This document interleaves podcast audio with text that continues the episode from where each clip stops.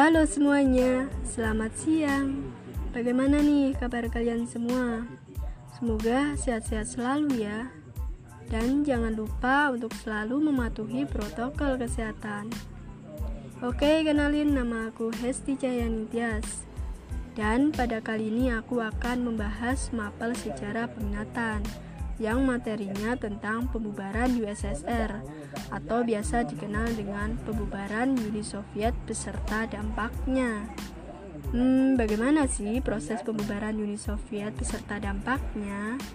Oke, akan aku ulas satu persatu. Tetap simak terus ya. Tapi sebelumnya, apa sih itu negara Uni Soviet? Uni Soviet merupakan salah satu negara adikuasa pemenang Perang Dunia Kedua.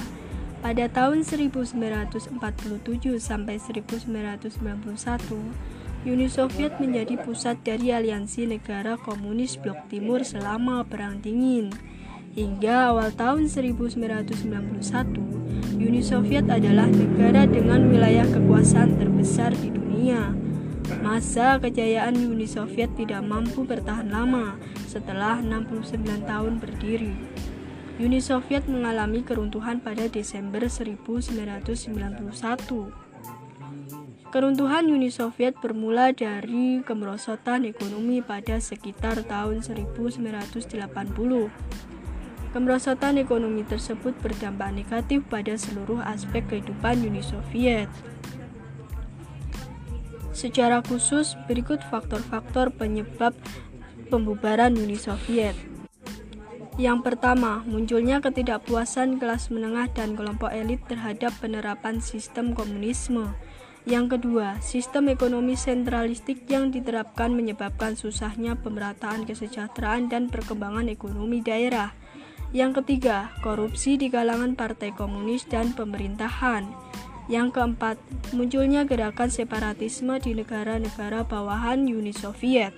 Yang kelima, Presiden Mikhail Gorbachev dan Boris Yeltsin gagal melakukan perbaikan sistem pemerintahan komunis di Uni Soviet. Nah, selanjutnya aku akan menjelaskan proses pembubaran Uni Soviet.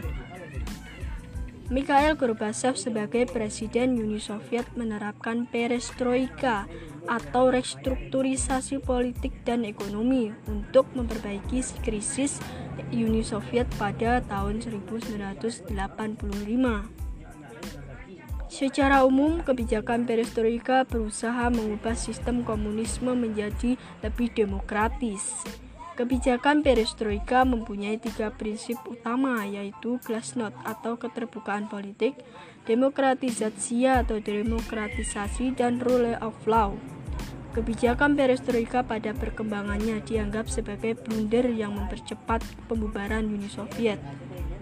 Kebijakan tersebut menyebabkan pertentangan antara kelompok moderat, konservatif, dan radikal tentang sistem komunisme di Uni Soviet.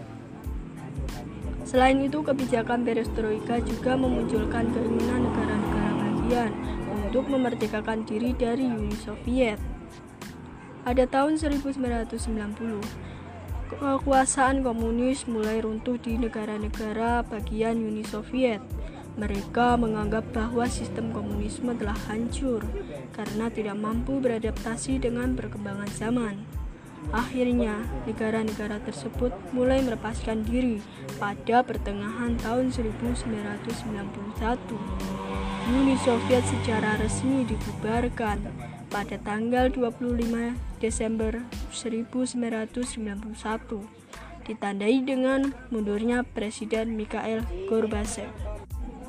Nah, selanjutnya dampak dari pembubaran Uni Soviet. Pembubaran Uni Soviet memberikan dampak yang masif bagi aspek sosial, ekonomi, dan politik dunia. Berikut dampak runtuhnya atau pembubarannya dari Uni Soviet. Yang pertama, berakhirnya perang dingin antara blok barat dan blok timur. Yang kedua, muncul 15 negara baru di kawasan Eropa Timur. Yang ketiga, menandai kehancuran sistem komunisme di dunia. Yang keempat, menimbulkan krisis ekonomi di kawasan Eropa Timur.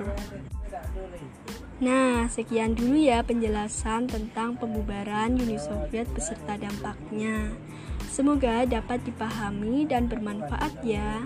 Saya Hesti Cahyanitias, pamit undur diri, sampai jumpa di lain waktu. Terima kasih. Semoga sehat-sehat selalu.